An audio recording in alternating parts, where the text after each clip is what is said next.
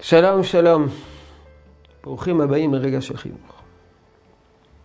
יש אנשי חינוך שאומרים שהחופש הגדול הוא מבחן גדול מאוד עבור בני הנוער. מבחן של בחירה חופשית. כל השנה כולה בני הנוער מתלוננים. כופים, כופים עלינו, כופים עלינו, כופים עלינו. כופים עלינו להתפלל, כופים עלינו ללמוד תורה. זה הכפייה. היא גורמת לנו למיאוס. היא גורמת לנו למועקה. גורמת לנו לסלידה. אילו הייתם נותנים לנו לעשות את זה באופן חופשי, התוצאות היו הרבה יותר מוצלחות. היינו שמחים להתפלל, היינו שמחים ללמוד תורה, רק שזה כרוך בעונשים, במבחנים, בקצב, בשיעורי בית. אז כל מה שקשור לדבר השם ולתורה, מה הוא עושה עלינו? באופן חופשי, אנחנו נזרום עם התורה.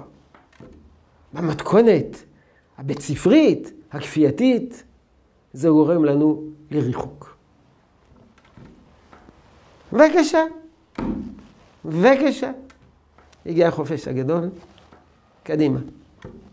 קדימה רוץ. אף אחד לא מכריח אותך לקום לתפילה. אף אחד לא מכריח אותך ללמוד תורה.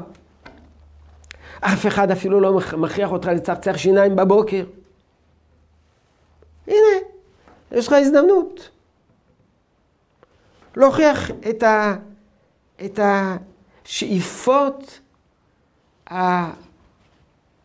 הגבוהות שלך מתור מרחב וחופש. זה מבחן של בחירה חופשית. אין גורם כופה, אין צלצול, אין מנהל, אין אחרי משמעת. אין ציונים ואין הספק. עכשיו תוכיח את עצמך.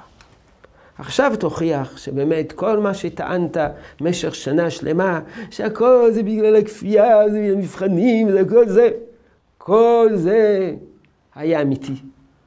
וכשנותנים לך מרחב וחופש, אתה מסוגל להגיע להישגים מתוך הזדהות.